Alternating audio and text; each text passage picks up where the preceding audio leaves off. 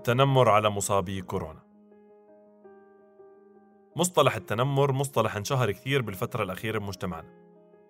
وكثير ناس للأسف ما بياخذوه بجدية حتى بيستخدموا المصطلح بشكل كله سخرية. إلا أنه هذا المصطلح بيعبر عن مشكلة جدية وحقيقية خطيرة موجودة في كثير من المجتمعات. ممكن تأثر بشكل سلبي وكبير على الصحة النفسية للشخص اللي بيعاني منه. التنمر هو سلوكيات سلبية لها عدة أشكال. مثل التنمر الإلكتروني إطلاق ألقاب تهديدات ضرب وغيرها وبتهدف هاي السلوكيات لإيذاء شخص معين عاطفيا أو جسديا هذا الشخص عادة بيكون مختلف بالعرق أو الدين أو التوجه الفكري أو المظهر أو غيرها من أي أنواع الاختلافات اللي ممكن تخليه ضحية للتمييز والتعصب والرفض بالمكان اللي هو فيه طيب هل ممكن الإصابة بفيروس كورونا تكون سبب هاي الأيام للتنمر؟ ولو فعلا في هيك مشكلة كيف ممكن تكون طبيعة هذا التنمر بالضبط؟ شو الحلول اللي ممكن تساعدنا بالتصدي لهيك مشكلة؟ تعالوا نشوف مع بعض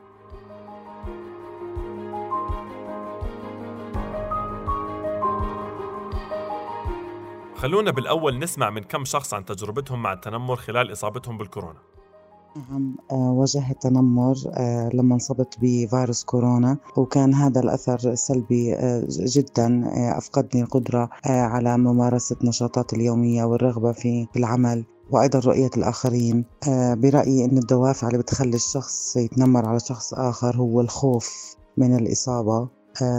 والناس كمان بتفضل إنها طبعا تخفي إصابتها لأنها أكيد رح تنحجر 14 يوم تنفصل عن الحياة والاختلاط مع الناس.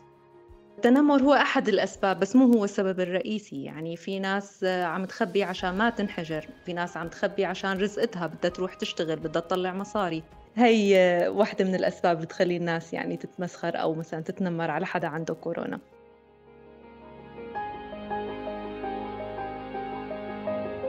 للأسف مشكلة التنمر المرتبطة بالجائحة هي مشكلة حقيقية وموجودة فعلاً.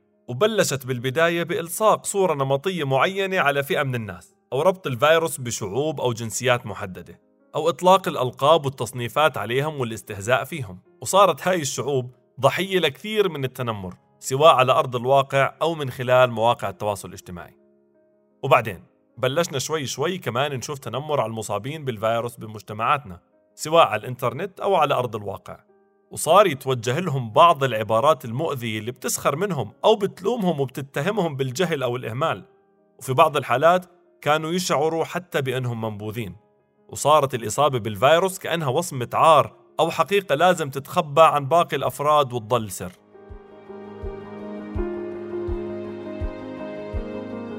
التنمر على مرضى كورونا بالذات وبجميع أشكاله ممكن يكون مرتبط بعدة أسباب. خلينا نذكر منها كم من سبب. نقص المعرفة العلمية بطريقة انتقال الفيروس.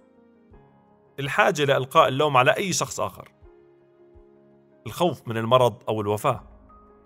الخوف من المجهول كونه وباء جديد. القيل والقال والإشاعات المنتشرة عن المرض. هاي المشكلة بطبيعة الحال إلها آثار سلبية كتير سواء على نفسية الشخص المتنمر عليه أو حتى على انتشار الوباء نفسه.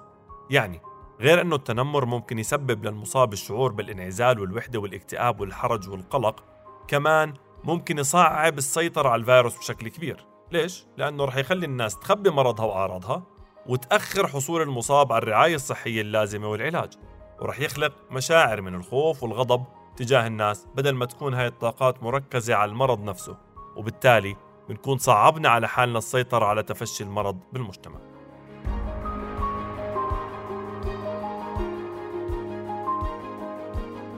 مشكلة التنمر على مصابين الكورونا مش لازم ينسكت عنها أبدا وضروري نحكي سوا كيف نتصدى لها.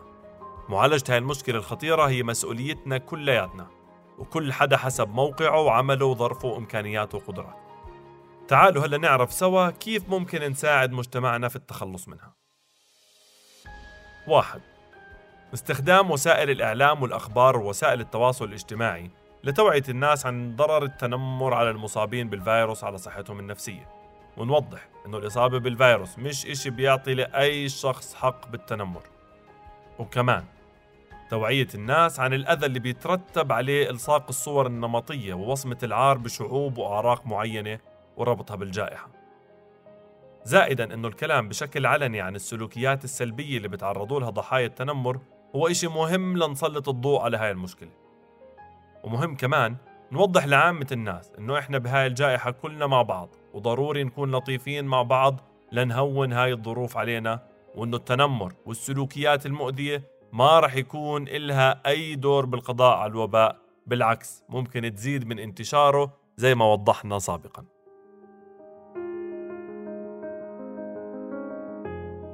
اثنين نشر معلومات علمية دقيقة وصحيحة عن الفيروس وطرق انتقاله بشكل بسيط وواضح لتصحيح هاي الشائعات المنتشرة عنه.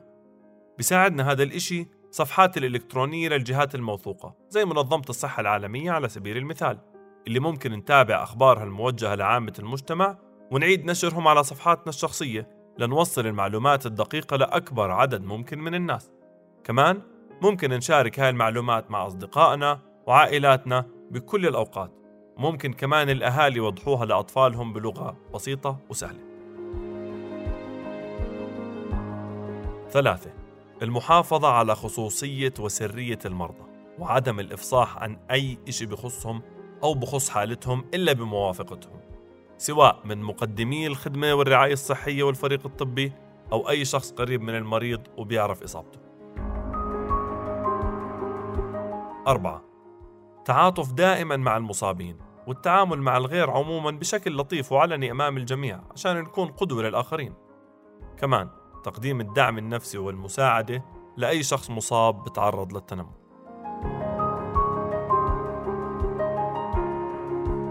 خمسة. مهم نكون مركزين على بعض العلامات اللي إذا ظهرت على شخص مصاب بالفيروس ممكن نشك بتعرضه للتنمر زي مثلا الاكتئاب أو تجنب التواصل مع الآخرين أو الانسحاب. أو تأثر حب الذات اللي ببين بكلامه وتعليقاته على نفسه أو اضطرابات النوم والأكل أو أي تغيرات سلبية بنفسيته ومشاعره. لذلك التواصل والحكي تقديم الدعم النفسي للمصاب مهم بفترة إصابته لنطمن على نفسيته ومشاعره. ومتى ما شكينا أنه هذا الشخص بتعرض لتنمر ضروري نبلش معه حوار بهداوة لنطمن عليه وعلى التحديات اللي بمر فيها خلال إصابته. ولأنه في هذاك الوقت بيكون مصاب ممكن هذا الإشي نعمله عن طريق مكالمات الفيديو أو الرسائل أو التليفونات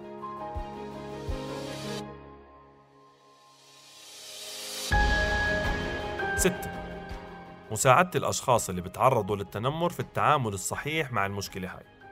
ننصحهم بالمحافظة على هدوءهم بهيك مواقف أو تجنبها والابتعاد عنها لحتى يهدوا لأنه المتنمر إذا شاف أنه قادر على استفزاز المصاب رح يستمر ويزيد أكثر بسلوكياته. ومهم كمان يتواصلوا مع المتنمر بكل ثقة ويوضحوا له بحزم أنه لازم يوقف سلوكياته لأنها مش مقبولة.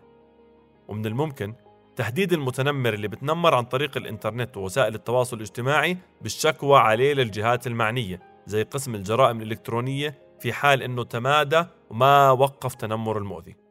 كمان ممكن أنه نطنشه تماما ونتجاهله لحتى يشعر بعدم مقدرته على تحقيق غايته من التنمر.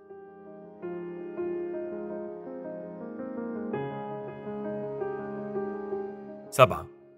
تشجيع المصابين وخصوصا الأطفال على إخبار أهاليهم والقريبين منهم من المرشدين النفسيين الاجتماعيين سواء في المدارس أو الجامعات أو مراكز الإرشاد والدعم النفسي. لازم يخبروا عن تعرضهم للتنمر ولازم يعبروا عن مشاعرهم اللي بيمروا فيها. مثلا مطلوب من الأهالي أنهم يحكوا مع أطفالهم بانتظام ويشرحوا لهم شو يعني تنمر وشجعوهم أنهم إذا مروا بأي تجربة مشابهة يخبروهم وما يخبوا هاي التجربة. ثمانية.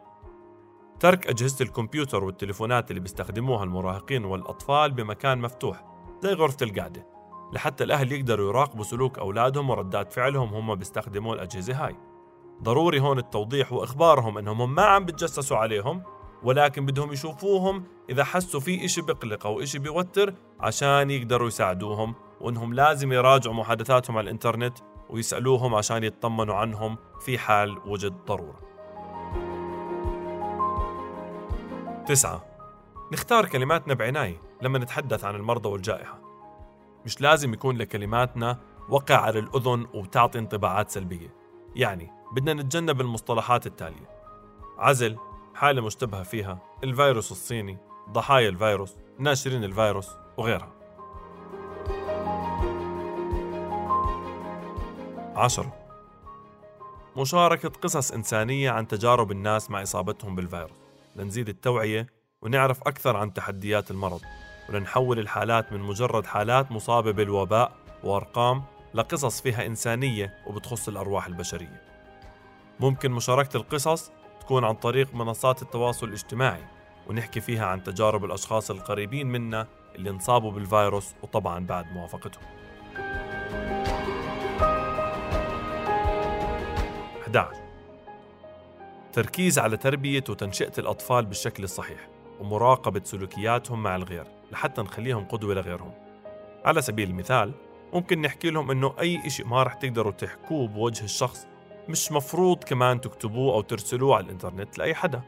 كمان نشرح لهم كيف ممكن يقدموا المساعدة لأي شخص بتعرض للتنمر قدامهم وكيف يدافعوا عنه ولمين لازم يحكوا.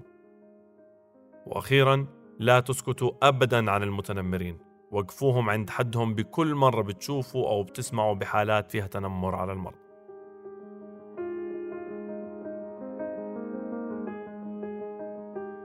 الآن رح يكون معنا الأخصائي النفسي باسل الحمد اللي رح يحكي لنا كيف ممكن نتعامل مع المصابين بكورونا بطريقة نوضح لهم ونفهمهم شو أهمية التباعد والإجراءات الوقائية وبنفس الوقت ما نتنمر عليهم. وبرضه رح يقدم لنا بعض النصائح للأشخاص اللي تعرضوا للتنمر أو شافوا وشاهدوا أشخاص بيتعرضوا للتنمر. الضروري الأساسي آه، أنه إحنا يكون عندنا المعرفة العلمية أو المعرفة الصحية الثقافية المناسبة. ارتداء الكمامة عدم التقارب. آه، إذا جلسنا في مكان يكون مكان مفتوح ومهوى إذا بدنا نحتك مع الشخص المريض يكون هذا الاحتكاك عن بعد وما يصير فيه ملامسة أو تقارب شديد.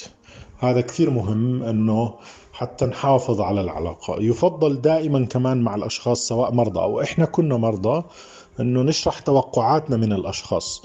آه، ما كثير من الأشخاص بتوقعوا أنه الشخص المقابل هو اللي مطلوب منه إنه ينبههم أو يحكي لهم أو يحدد الحدود والهذا.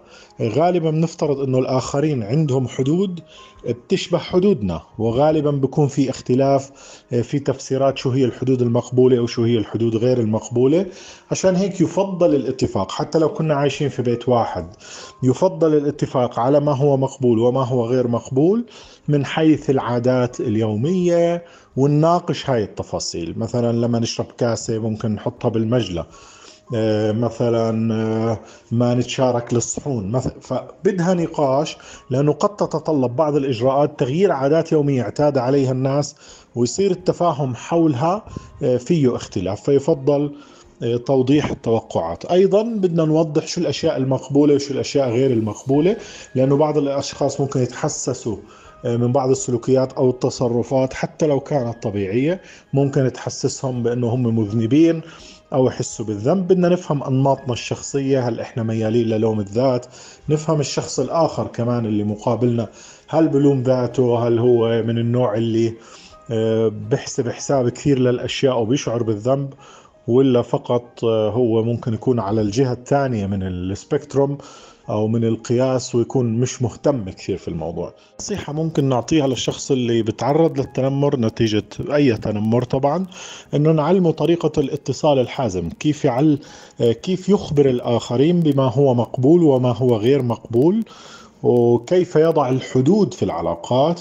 آه، بسيطة جدا إنه أنت تصرفت السلوك المحدد أو قمت بهذا السلوك المحدد. ما نحكي على التفكير أو توقعات. نحكي عن سلوك محدد. أنت قمت فيه اللي هو الشخص الذي قام بسلوك التنمر. بعدين آه هذا السلوك شو تسبب لي؟ أو أنا شو شعرت؟ بعدين شو توقعاتي؟ أنا بتوقع منك واحد اثنين ثلاثة أربعة لما بتتعامل معي. وأيضا تنبيه الشخص إذا تكرر هذا السلوك ما هو الإجراء الذي سنقوم به لمنع التنمر الواقع علينا؟ هذا كثير مهم إنه نعمله. والشغلة الثانية بحب أنا دائما أنصح الناس فيها التنبه للعلامات المبكرة للتنمر ومباشرة إنه نحكي مع الأشخاص الآخرين حول توقعاتنا وتوقعاتهم وسلوكياتهم اذا أزعجتنا. حتى ما يتراكم الإنزعاج عندنا وتصير ردة فعلنا معقدة أكثر.